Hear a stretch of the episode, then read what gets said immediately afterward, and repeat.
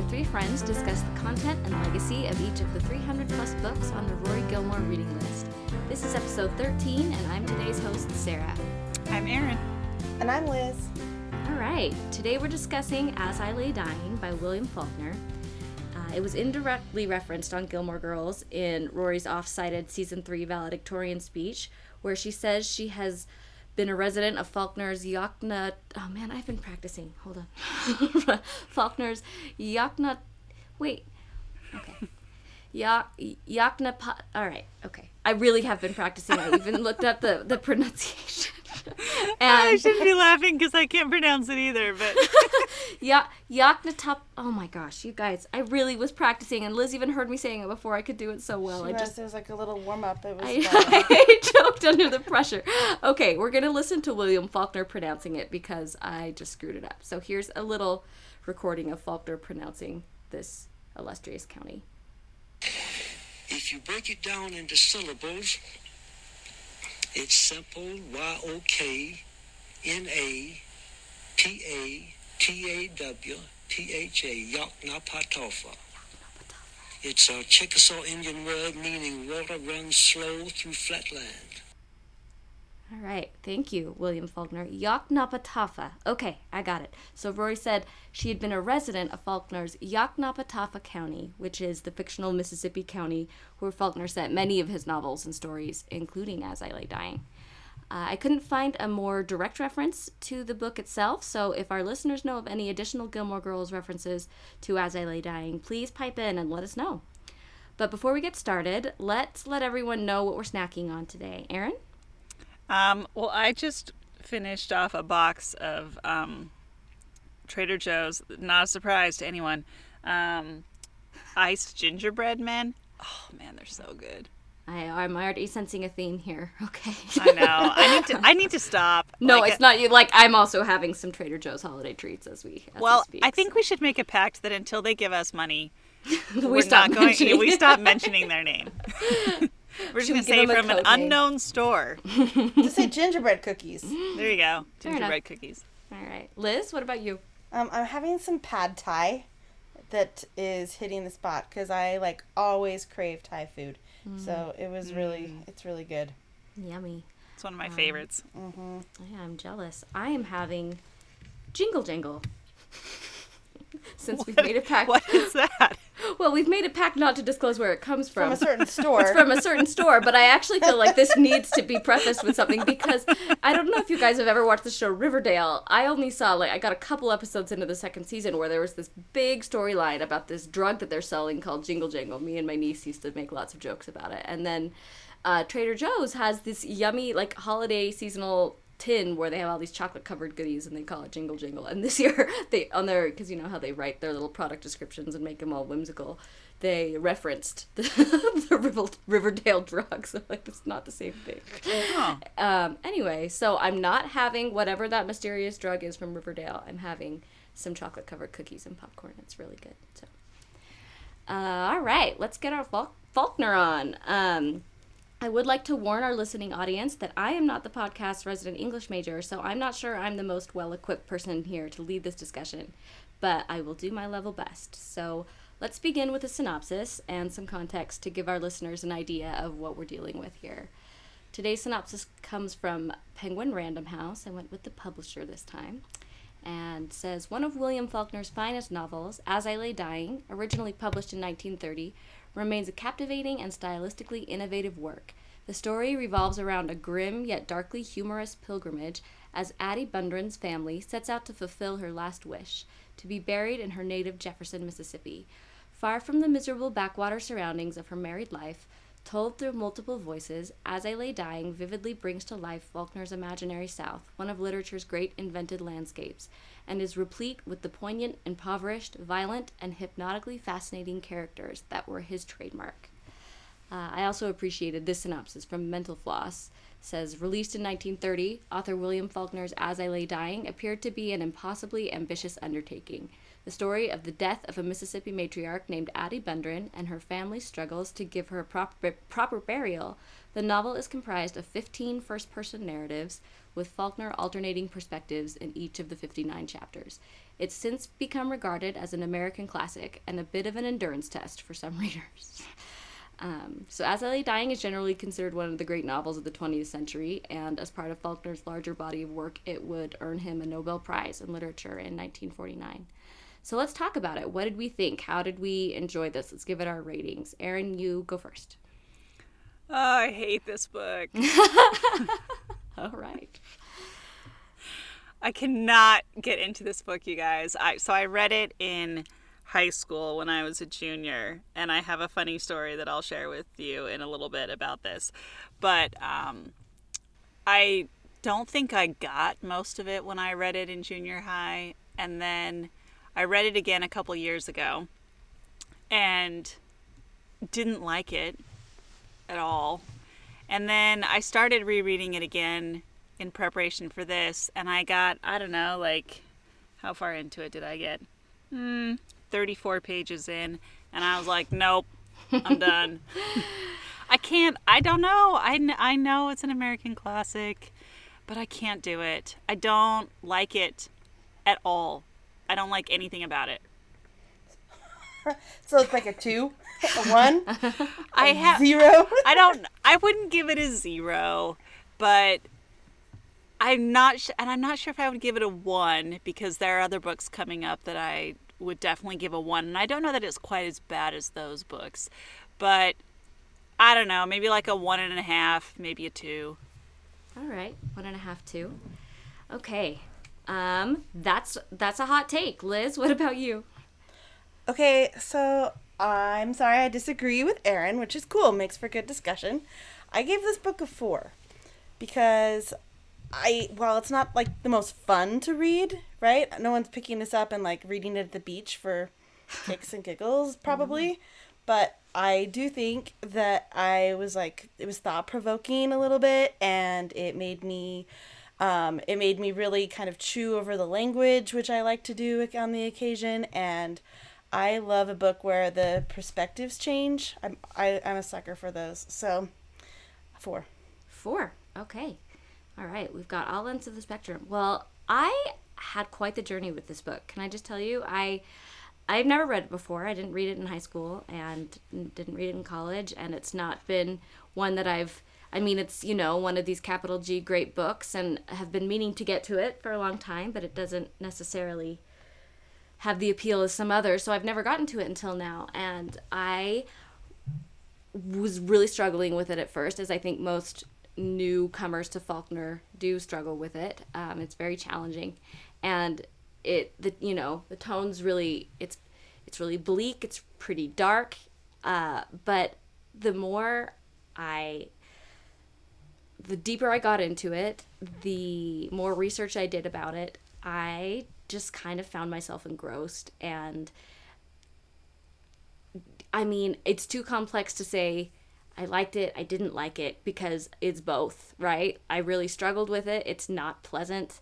In some ways it's like vegetables, right? Where it's like you know this is good for you, but man, it's just not very tasty. Um but another but in other way to think about it, it's really tasty. Like the it's just the language is so interesting and it it's just kind of like you just there's so much to unpack and it's just like it's like exercise you know for your brain. And i really came to the end and was like i'm digging this. So i am going to wind up with liz. I'm going to give it a four. Um but i have a lot of uh thoughts to kind of untangle as we go through this because um, it was it was a tricky one for me, but I ended up I think really liking it. And um, sometimes you know you have the I appreciated it versus I liked it, and for me it was both, and that was kind of a, a new experience. So. Okay, let's share a couple of other colorful reviews as we like to do. And oh boy, there are some long winded and overwritten reviews of this book on Goodreads. Um, I'd recommend checking them out if you have several hours and or days to kill. So, but I uh, had to pick just one, and I enjoyed this one from Goodreads user Matt, who gave it five out of five stars and said, and I'm warning you, this is long, but it was one of the shorter ones. he says, I'm no copyright lawyer, but it seems like Faulkner's estate could have sued the hell out of the makers of National Lampoon's Vacation. There is the the obvious corpse carding similarity, but I can almost hear the familiar refrain of Lindsey Buckingham's Holiday Road bleed into the scene of the Bundren's fateful river crossing. Pre DMCA violations were definitely afoot, at least in spirit. This is the book for those who find Faulkner's other well known works to be intimidating. As I Lay Dying delivers all of the point of view shifts and modernist goodness of The Sound and the Fury and Absalom, Absalom, but in more palatable, bite sized chunks. The endless chapters that trap one within the other books in a way that doesn't allow for natural stopping points within the text for bathroom or laundry breaks are eschewed in favor of shorter sections that are each narrated by a member of the Bundren family or else a random curious onlooker about town. This format also eases the intensity of the typical Faulknerian, I've been waiting to use that term, shift between the action that is occurring and the stream of consciousness interior monologuing that the characters in Faulkner novels seem to so enjoy. The constraints placed on the text make the themes of this book explode with meaning. The con- mm, sorry, the sins of the father are visited upon the heads of the children, familial obligation collides with personal agendas, and the immediate sainthood imposed upon those who have passed is examined in a more doubtful light. Word on the back, or back cover blurb street, is that Faulkner cranked out this book in over a six week period while working 12 hour shifts at a power plant. In my mind, this makes him the literary equivalent of that one cheerleader in high school that everyone secretly hated because she seemed so damned perfect. So that's what Matt thinks on Goodreads. Very stream of consciousness. Yes, Very but- Faulknerian. but seriously, that was that was conservative. Uh, some of these reviews just went on and on and on. I'm like, come on, I just need something pithy, and this is about as pithy as I could get without it being, I mean, it had the cheerleader reference, so you know. I like personally, I like the Lindsey Buckingham reference. I knew you did. Mm, yep. I like me some Fleetwood Mac. Okay, so, uh, but for a great short review, I wanted to turn to our niece Kate for her hot take. Kate is 19 and read the book um, in her high school English class a few years ago. And when I bought my copy of the book, I posted a picture of it on Instagram, along with um, all the other books, like used book finds I had found that day. And Kate commented, "As I lay dying," four question marks. That is the worst book. Sounds like that kind of girl. Yeah, but the others look like great reads. Um, and she's gone on to tell me many times since how much she hates this book. So this leads me to my first question, primarily directed at Miss Thomas, our resident English teacher here. Why is this book taught in high school today? What is it? What value does it hold for for young students, young learners? Well, very good question. That's the, my teacher voice coming out. um, so I can't really speak for all English teachers. I don't want to propose that, but I do think that it has a lot of um, unique qualities to it. That if I were preparing students to take an AP exam, for example, where they have to answer a question or questions that could they have to choose from many novels that they've read about syntax and diction and form and characterization. Um, this novel provides a lot of ripe material for that. So, I mean, you have 15 characters that you can really dive down into and analyze, or you have the diction of every different character and how they talk and how that plays into the novel.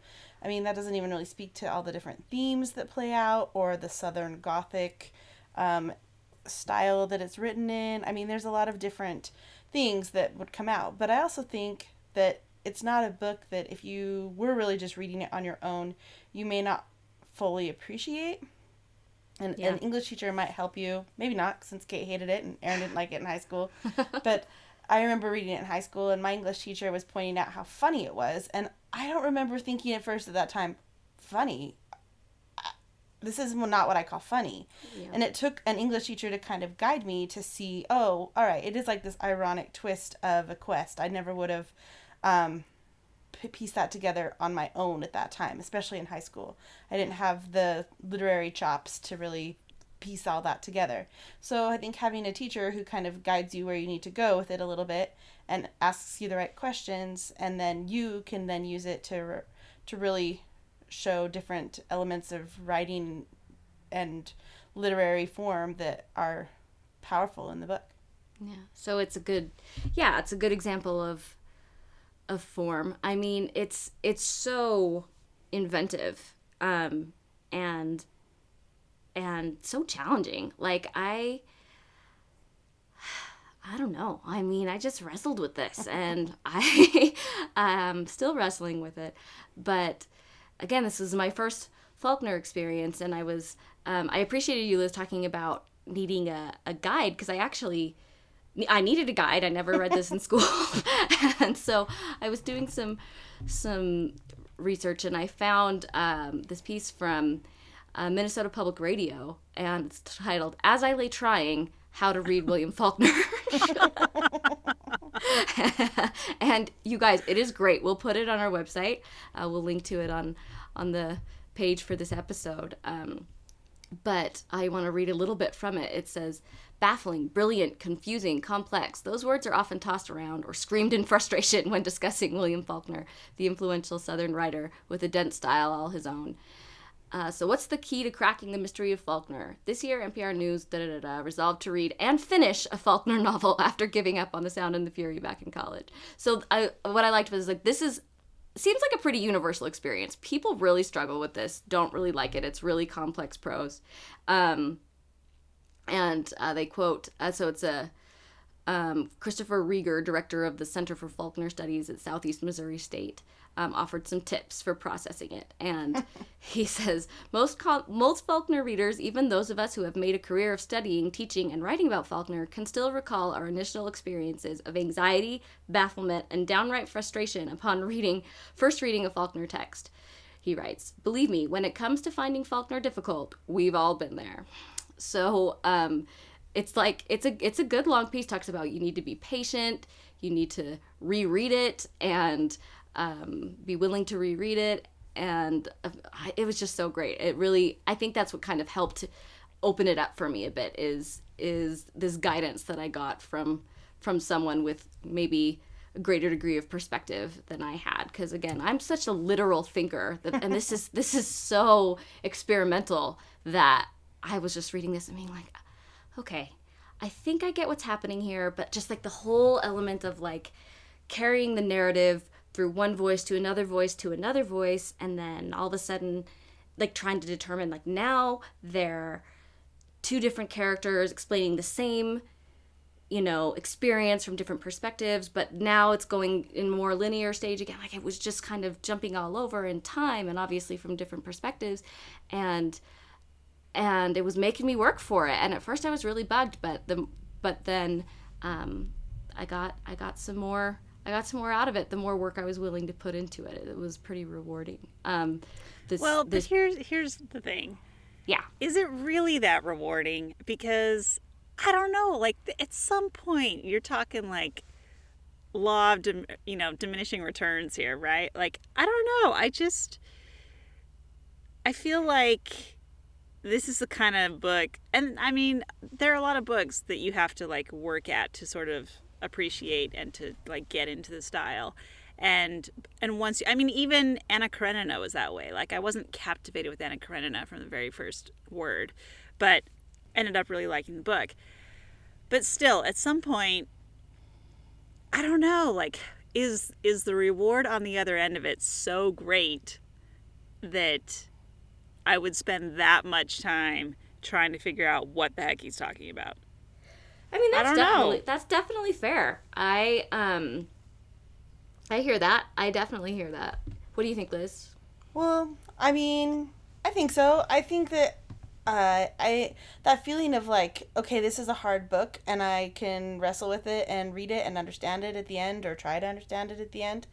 Um, that is a rewarding feeling. I mean, I I personally don't find like running rewarding and other people do. so I think, you know, I would be like, why would I want to run, right? Like that doesn't sound fun. So I see how it's like what we, we all kind of value different things, but there's that still that same sense of accomplishment with running when you're finished, right? Like you finished this race, you did this hard thing, and there's a sense of like empowerment or I don't know what the feeling is at the end of a race, but at the end of reading a hard book, I feel like, oh, I just accomplished something and I pushed myself and I did something that isn't always like um, that isn't always usually reading's easy for me but this is harder and i worked at it and now i have a reward of feeling that sense of accomplishment for finishing it and finding value in it i, don't know i just I don't know though. I mean, I guess. uh, Well, I, I mean, I totally get that, and working for things is a very good precedent by which to live.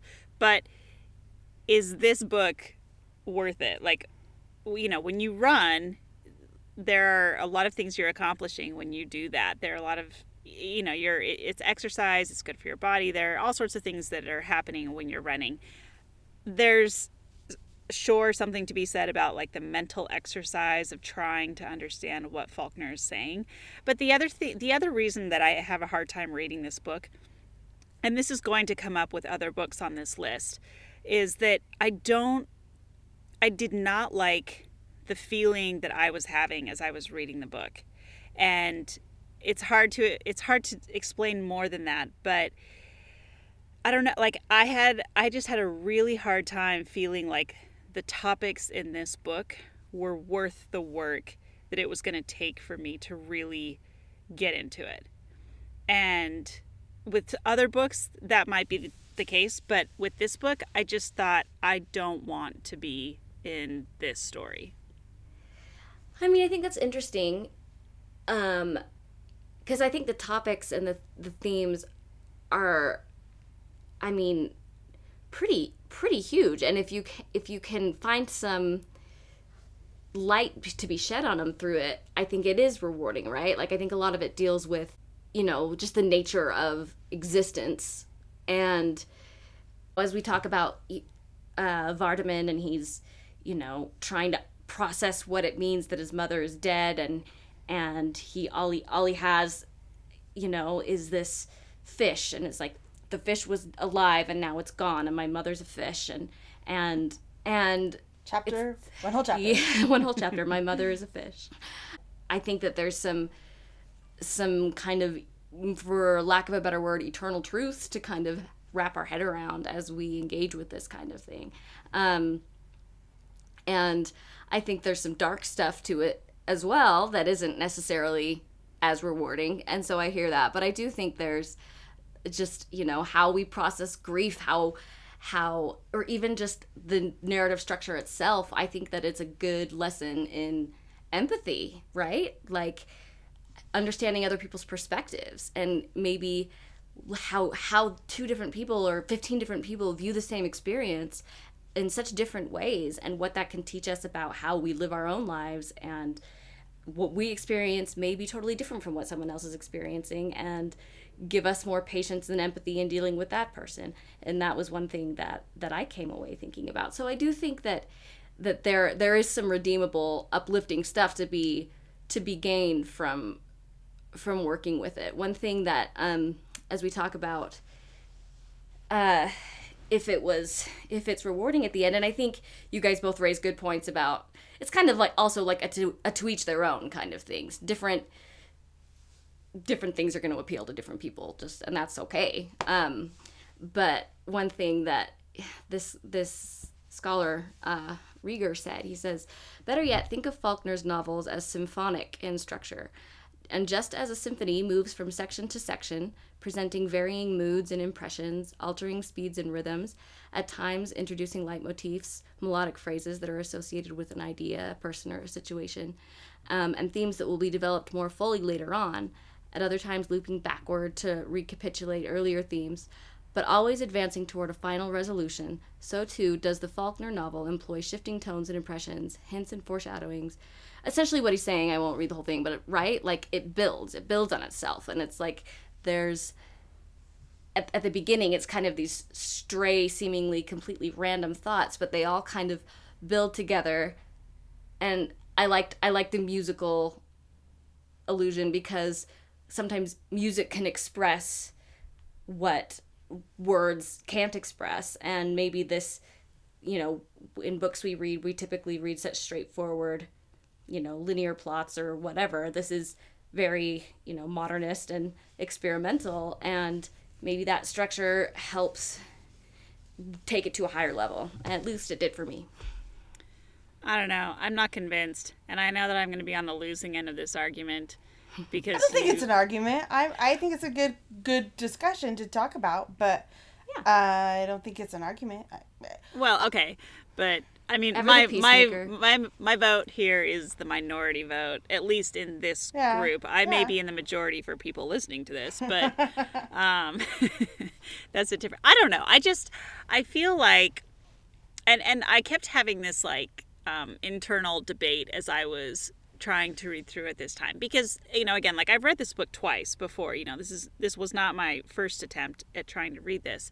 And even though twice is not going to make me any sort of an expert on this I just I just kept thinking about how with books out there there are a lot of books out there that are um you know held up lauded praised whatever for a variety of different things and that doesn't always mean that the book is good or that you have to read it to be um you know i don't know. It doesn't mean that you have to read it. And there are going to be books that you just either don't like or that don't bring in the kind of you know spirit to your life that you want to have present and this book, for me, for some reason, I cannot get over that hurdle.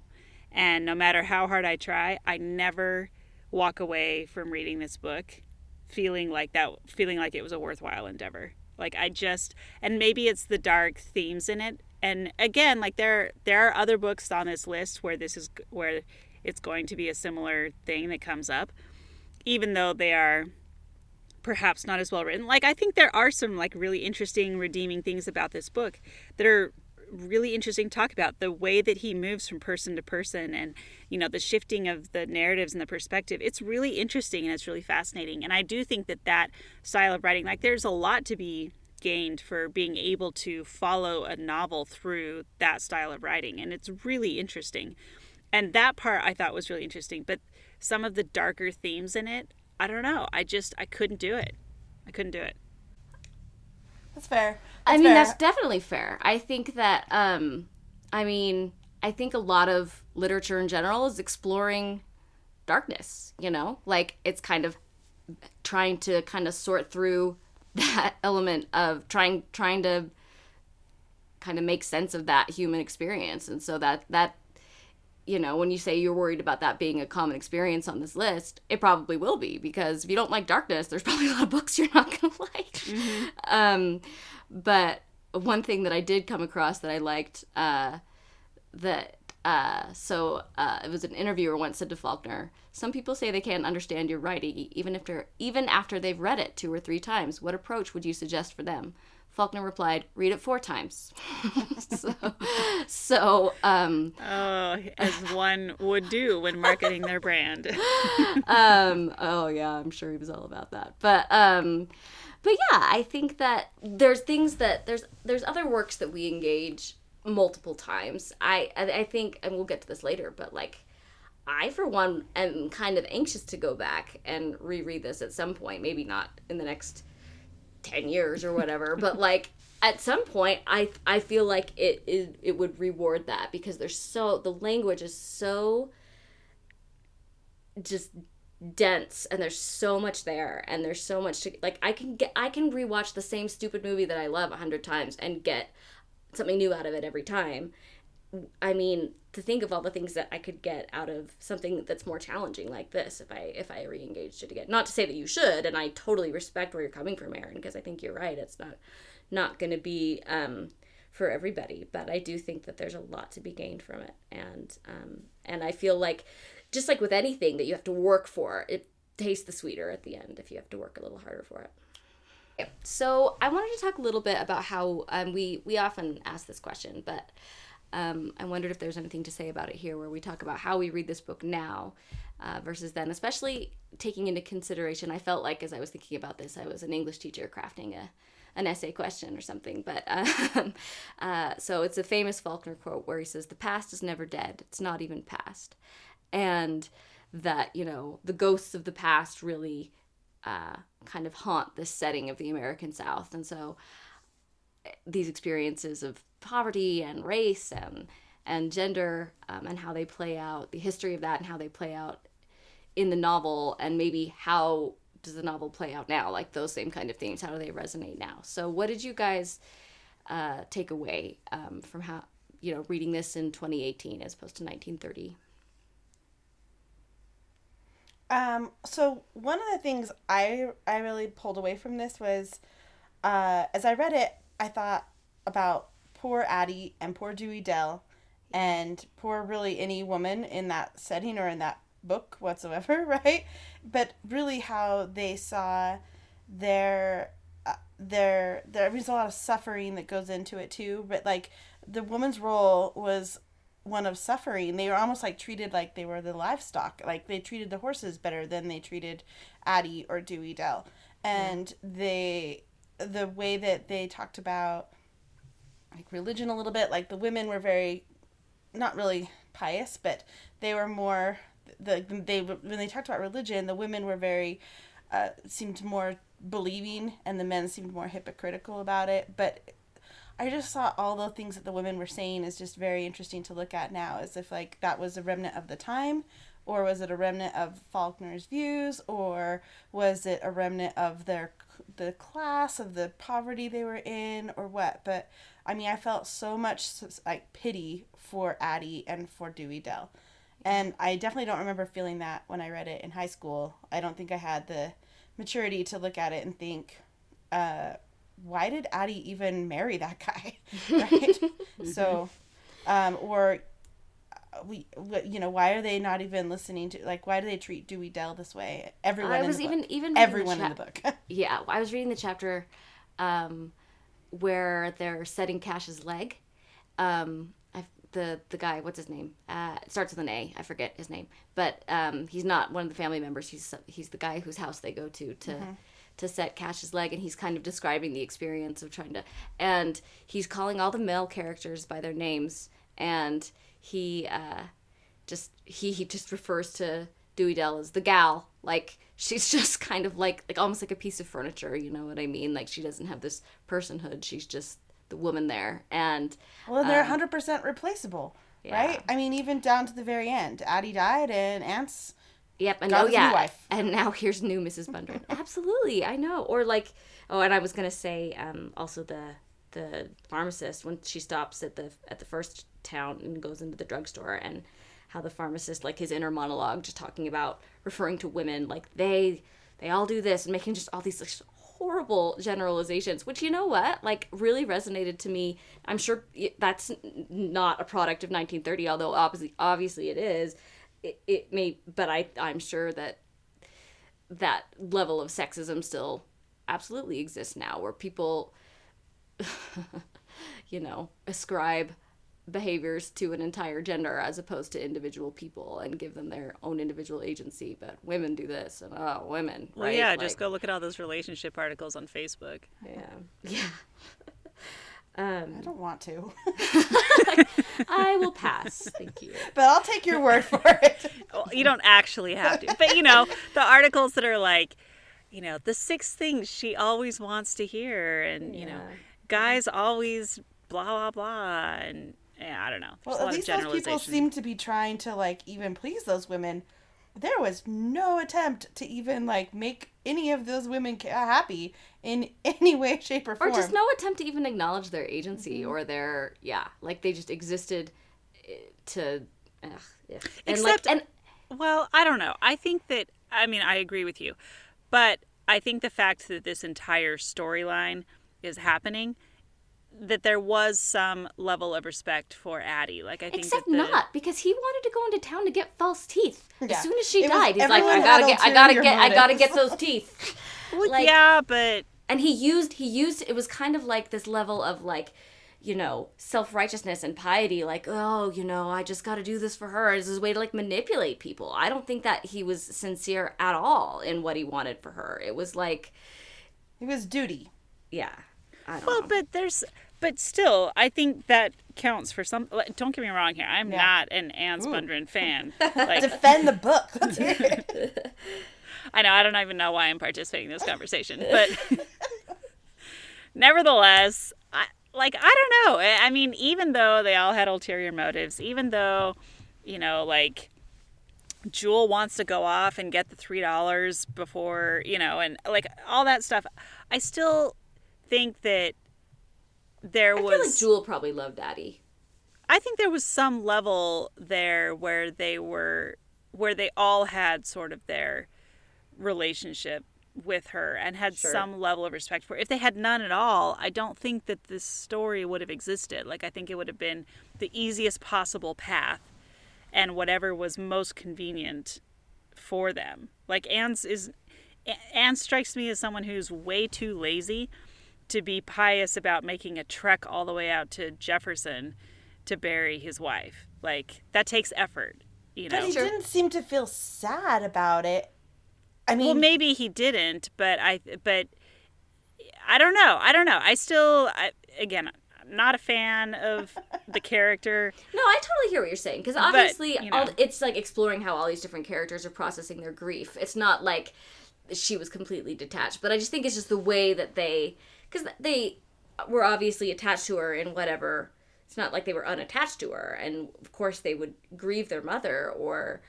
um but I actually know I'm not going to give Anse any of the benefit of the doubt. But the children, I think, love their mother in different ways, and um, even if they didn't necessarily understand or respect her life experience. Which let's talk about her life experience. That chapter that she narrates is kind of a doozy. Yeah. I mean, that's what I'm saying. Like, we see this glimpse into her life, and it is bleak, and it does not get. It only get gets bleaker once she marries Anse and has all these children she doesn't want. Yeah. Yeah. I mean, one thing that in that in that chapter that I like, she she goes off about um here we've been talking a lot about um how difficult this prose is. We should probably share a tiny little bit. So she um she's talking about language, right? And I I think the whole book is an exercise in, you know, as we're reading people's minds essentially, right? What they're saying and what they're not saying. We get we get an insight into their thoughts versus what they're actually speaking. And I think that it presents some interesting ideas about the relationship between thoughts and language and and how when we don't say what we think the repercussions that have. Not to say that we should always say what we think because i don't think that but um i uh, i, I really uh, appreciated this. I like this passage. Yeah she says he had a word too love he called it but i had been used to words for a long time. I knew that that word was like uh, like the others just a shape to fill a lack that when the right time came, you wouldn't need a word for that any more than for pride or fear. Cash did not need to say it to me, nor I to him, and I would say, let Anse use it if he wants to, so that it was Anse or love, love or Anse, it didn't matter. Um, and I, I really just love that, right? Like when the time came, you don't need a word for for this kind of thing. You know how you feel, you know what you think, or you know what what it is in purity. But uh, wor- words are meaningless, essentially. I don't know. That was interesting. Or that she just doesn't love him. She doesn't even want to be buried by him. Right? Right. Like, there's no love for Anse. She loved the minister. She had an affair with him. Uh, right, yeah. But I thought that, I mean, I was reading that almost as like, because she's talking about Cash, right? And she's talking about how, cat like, between her and Cash, they didn't need, like, they had this bond or whatever. Like, I think, cause she, and you know, like, that that they didn't they didn't need arbitrary words to to describe it but whatever Anse can call it love i don't care it's meaningless Yeah. to me Yeah, she just Yeah. explores language as she's. yeah um Dying. it's just it's as she as she lay dying yeah um yeah so i um i like that chapter a lot i think that um it's almost kind of like this hinge that the the novel sort of swings on a little bit in an interesting way um, okay, so what? Uh, moving moving this along, is there anything else that we haven't touched on? Anything that surprised you? Anything that stood out to you? Anything that really stayed with you? Um, I thought it was interesting. I don't know about you guys, but I found the chapters with Dewey Dell like by far the hardest to read and um, understand. And I don't know. I mean, maybe there's nothing to that, but man, I would read through those things like a couple of times and be like, "What is she talking about?" Um, and I Talking about cotton filling her sack. thank you. Um, but she's not. but I think it's I don't know. I mean, I I didn't really think anything of it at the time, but Sarah, with what you're saying here, I mean, I don't know if there's anything to Faulkner writing it that way. Oh, obviously, but um, I think it's interesting that he chose to write Dewey Dell's prose the way that he did, and that Yeah. that was how she was thinking and processing things.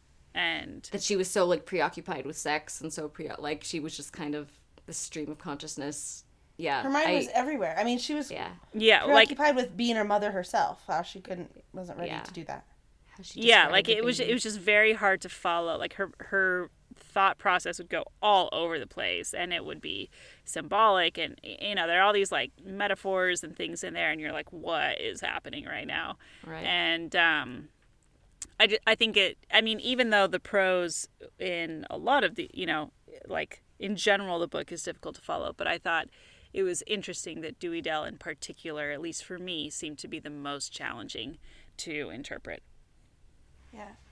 Oh, yeah, I can see that, and maybe just like a reflection of like he just couldn't really inhabit her as well as he could inhabit. Whose Others. narrative did you guys trust the most, though? Like when someone was like a chapter, when you read a chapter, who were you like, okay, this is gonna really tell me what's happening? Well, I think it. I think it evolves, right? With I think it starts out with Darl being the most reliable narrator, and then toward the end, as he just kind of whether or not he really is losing his mind before they send him to the insane asylum, or you know, or his like it's like everyone's grief is so intense um, at the beginning, except for Darl, who just is like so clear sighted and sees everything so straightforward. And then maybe as the experience wears on him and he his mind kind of frays, but like Cash kind of stands out as the more clear narrator and the more trustworthy narrator at the end. Well, Cash says this. hold on, I found the quote. Cash philosophizes that there is no such thing as crazy or sane, and that it all depends on who's looking at you when you act and what they think. Uh, it reminds us that everything is in the eye of the beholder, right? So, Yeah.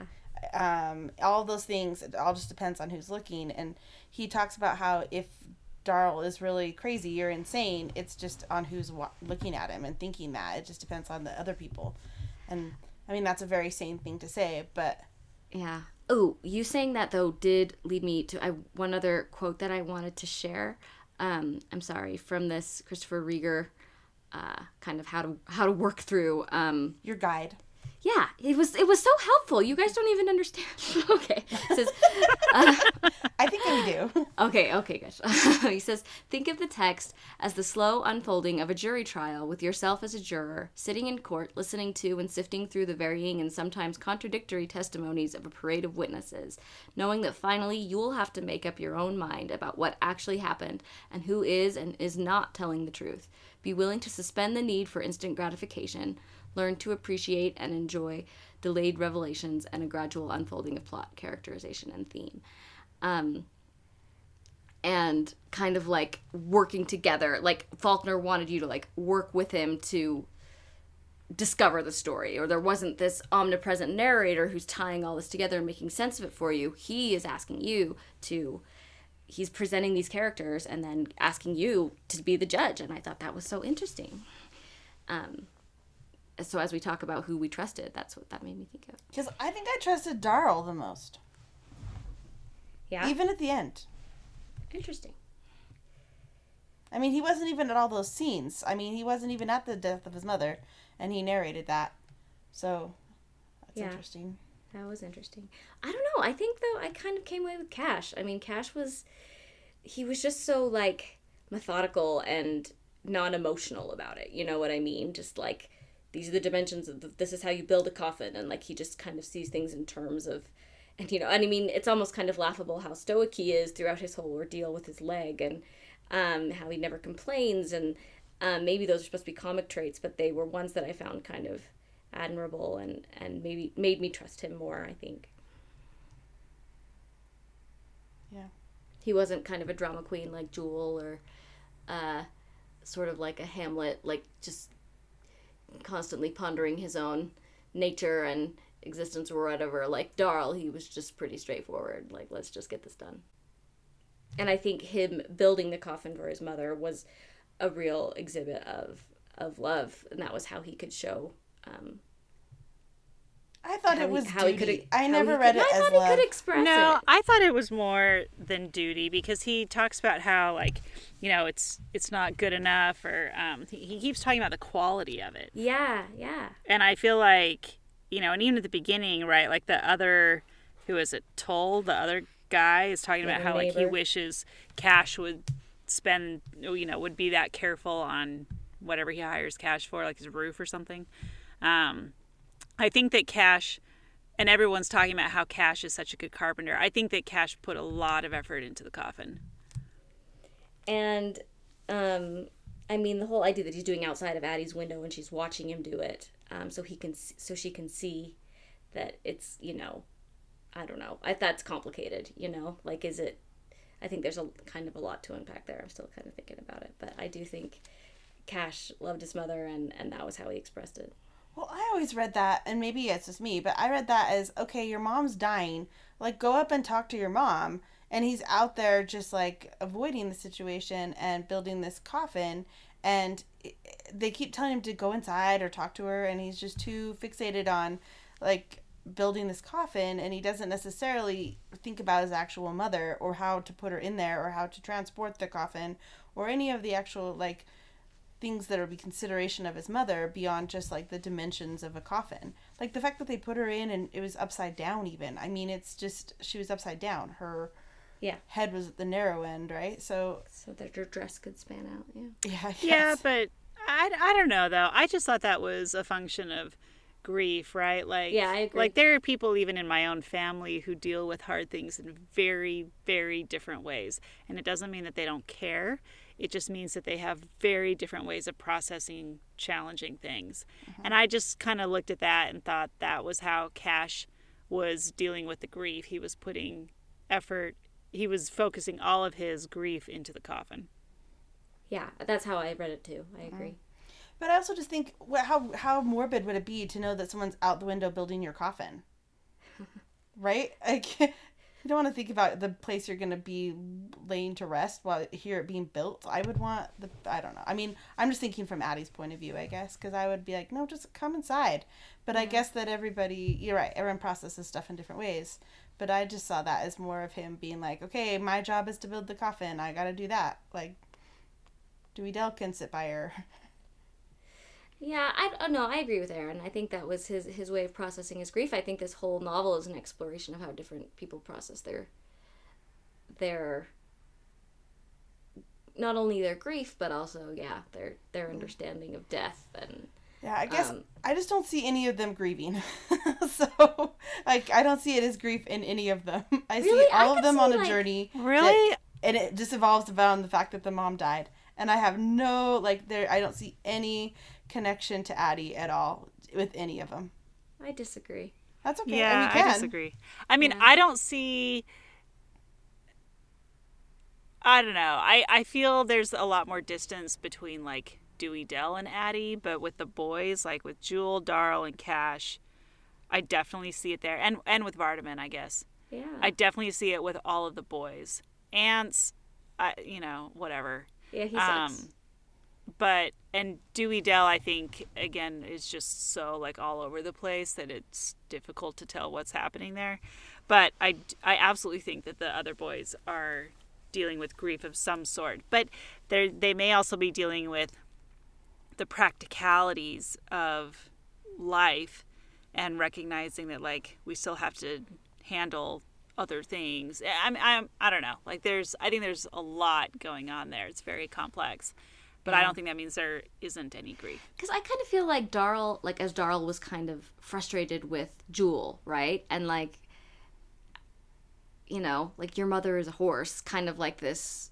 You care more about your horse than the fact that your mother's dying. But I feel like Jewel's reaction to that was like, kind of, how dare you? You know, I felt like you could tell that obviously Jewel was his was his mother's favorite, and I'm sure that he had a strong. I always kind of felt like he had a strong relationship to her and had difficulty expressing that grief and Um, I mean, there was other stuff wrapped up in there with like the fact that Darl's also kind of given him the business about who his father is, but um, I, yeah, I don't know. I think that there there were different manifestations of grief in in the characters besides Anse. I don't think Anse felt any grief. Um, he was so he was just so ugh, like full of like self pity and like oh if ever oh there's no man that's been through the kind of like no one has the kind of luck I have and da da da da, da but I'm Yeah. doing what she wanted and and then he's just but really meanwhile he's just thinking about getting his false teeth and like this is a chance to bury her there and I'll be able to go to town and get my false teeth and that's all he cares about. And he made everyone else want to help him because he's so helpless and worthless. Yeah. And he did it in such a way that he never had to like repay it. It was always like an act of charity and Yeah. Yeah. Really manipulative. Yeah, there's a line actually that one of the characters says. Um, I think it's that Tull character again, but he talks about how like, um, you know, he's he might as well help Anse because you know heaven knows he and so many other people in town have helped him so long they can't back out now or something like that and you know Yeah. some line about how like they just there's so much help that's been given to that family already and might as well keep going Yeah, it's interesting. Um, well, I feel like that, you know, we could do hours and hours. There's still a lot to discuss, but we have been at this for a while, so I feel like we should move move along to our favorite segment where we explore um, how where the places this book has popped up in pop culture. And the short answer to this is not very many places that I could find. because no one likes this book well, I sure, but also like I think it's just kind of like it's a, it's a tricky one. I think it's something that people kind of I don't know. Um, there's a San Diego metalcore band called As I Lay Dying, uh, but according to the band, there is no correlation to the book title. They just thought it sounded like a cool band name. And as I was doing some research, fun fact, in researching this band, I discovered the following Rolling Stone headline. Quote as i lay dying singer apologizes after murder for hire conviction. I was like uh pardon me? So uh, he apparently hired an undercover cop to try to murder his wife. So jeez. yeah that's some juicy well, stuff. as you do. yeah as one does. Um, mhm, exactly.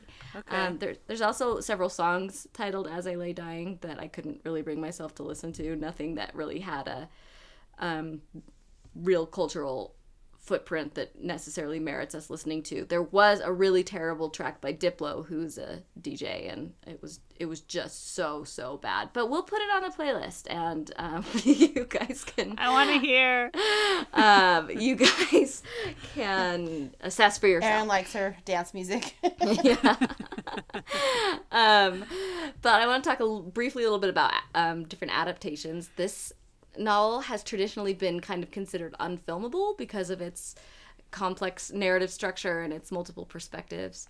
Um, but uh, so, whereas a lot of classics of this stature have been adapted many, many, many times, um, this book ha- um, hadn't ever been adapted that I could find. Well, enter James Franco. Uh, in 2013, he uh, wrote and directed and starred in a, uh film adaptation of this. Seemed sort of like a vanity project for him. Uh, it was never released in theaters. Went straight to iTunes and video on demand. I did watch it. It's on Netflix. It's available on Netflix as of the time we record this podcast. Did anybody else watch it?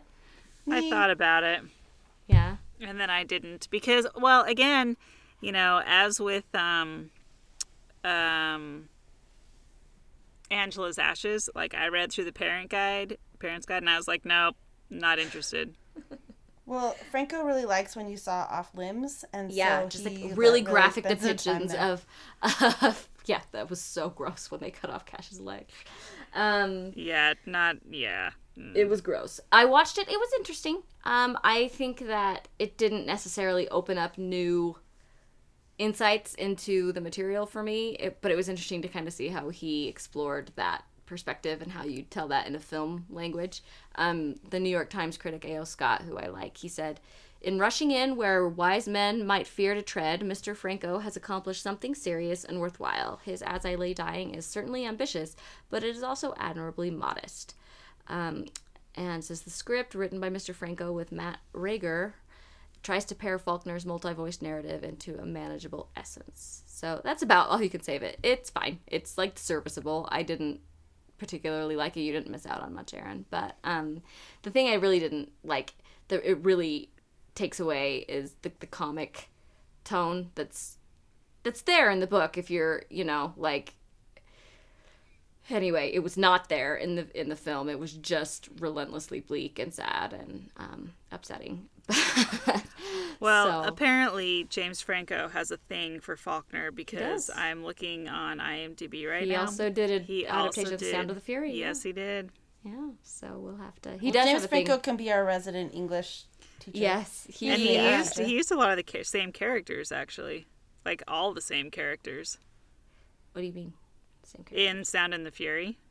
Oh yeah. Well, He it's like in this or I'm sorry, not the characters, the actors. actors. Yeah, he reused the like, cast. Well, I don't know much about The Sound and Fury because I've never read Faulkner before, but my understanding is it's like he has this whole like shared universe. Like Darl does appear in other works and stuff. So, um, interesting. Okay, well, when we get to The Sound and the Fury, we'll have to give it a give it a shot. Um, there was also a theater adaptation that was done that same year. So 2013 was the year of Faulkner. Um, adaptations but there's really nothing else that i could that i could track down. So as always if any of our listeners know of any pop culture references that we may have missed which we very well could have on this one since we didn't find any please find us on twitter facebook or instagram at reading with rory or email us at readingwithrory at gmail.com and let us know uh, what we may have omitted. We'll own up to it and mention it in a future show. Actually, we do have one we need to mention. we do yes from um, our resident boy meets world fan It's so Sarah. true. I do enjoy Boy Meets World, but no, I'm not the I'm not the listener pointing out the ones that we missed. Um, Nope. This is from our friend Angie in DC, who texted me the other day. She was listening to the Anne Frank um, episode and said that apparently there is a season one episode of Boy Meets World that's totally centered around Anne Frank. So season one even. And what does that Season even one. mean? Like, sent? Do they talk about it at school? Do they like? It does Mr. Feeney like? Is that his name? Is that the name, Sarah? or was it during like the the years of like the hot English teacher? Because remember him with the oh. motorcycle that adopted Sean? Yeah, Was I he bet it was hot? him. He, I mean, for the '90s, I think he was supposed to be kind of like your sexy English teacher mm. archetype. No. Yeah, I never got that, but he, he. So okay, so were they talking about it in class? I guess that must be how it's centered I, around it. I That's don't know. I I'll have to know. check it out. I'm curious.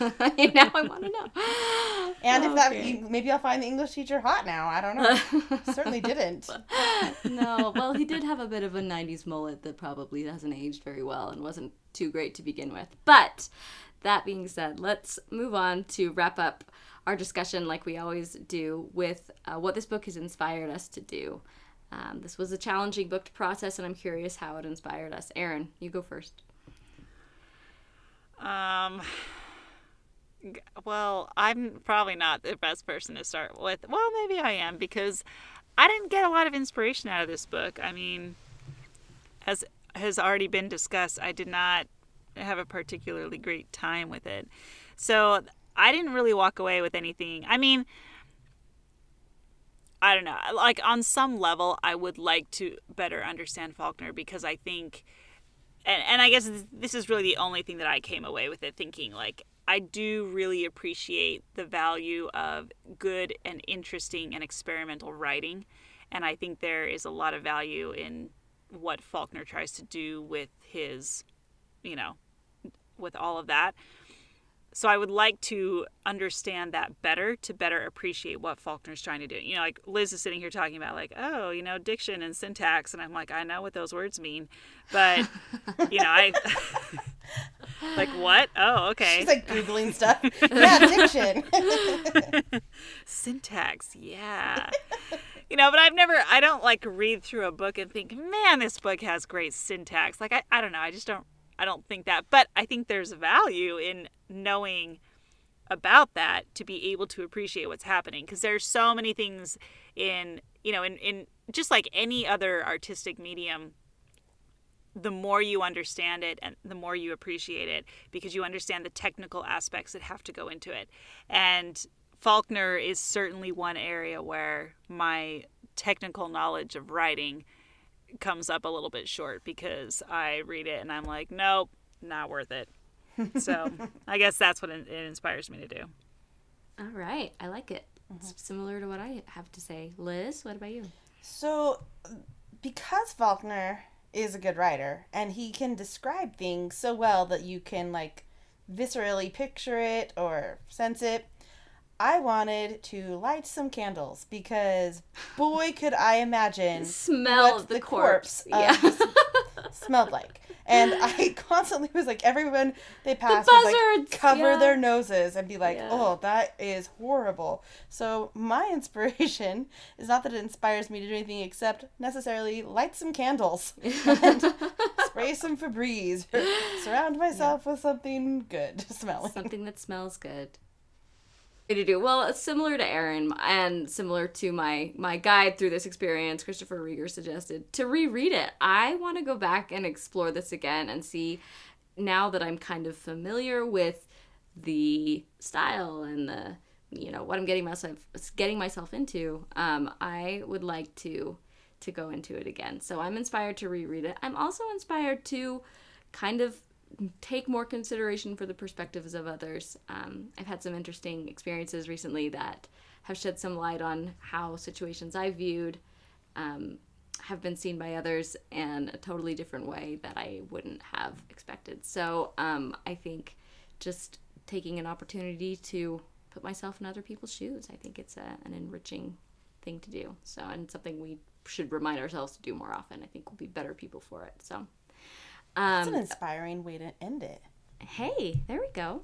So, what did you all think of As I Lay Dying? Please tell us. Keep the conversation going on Twitter, Instagram, and Facebook, or come find us on our website at readingwithrory.com.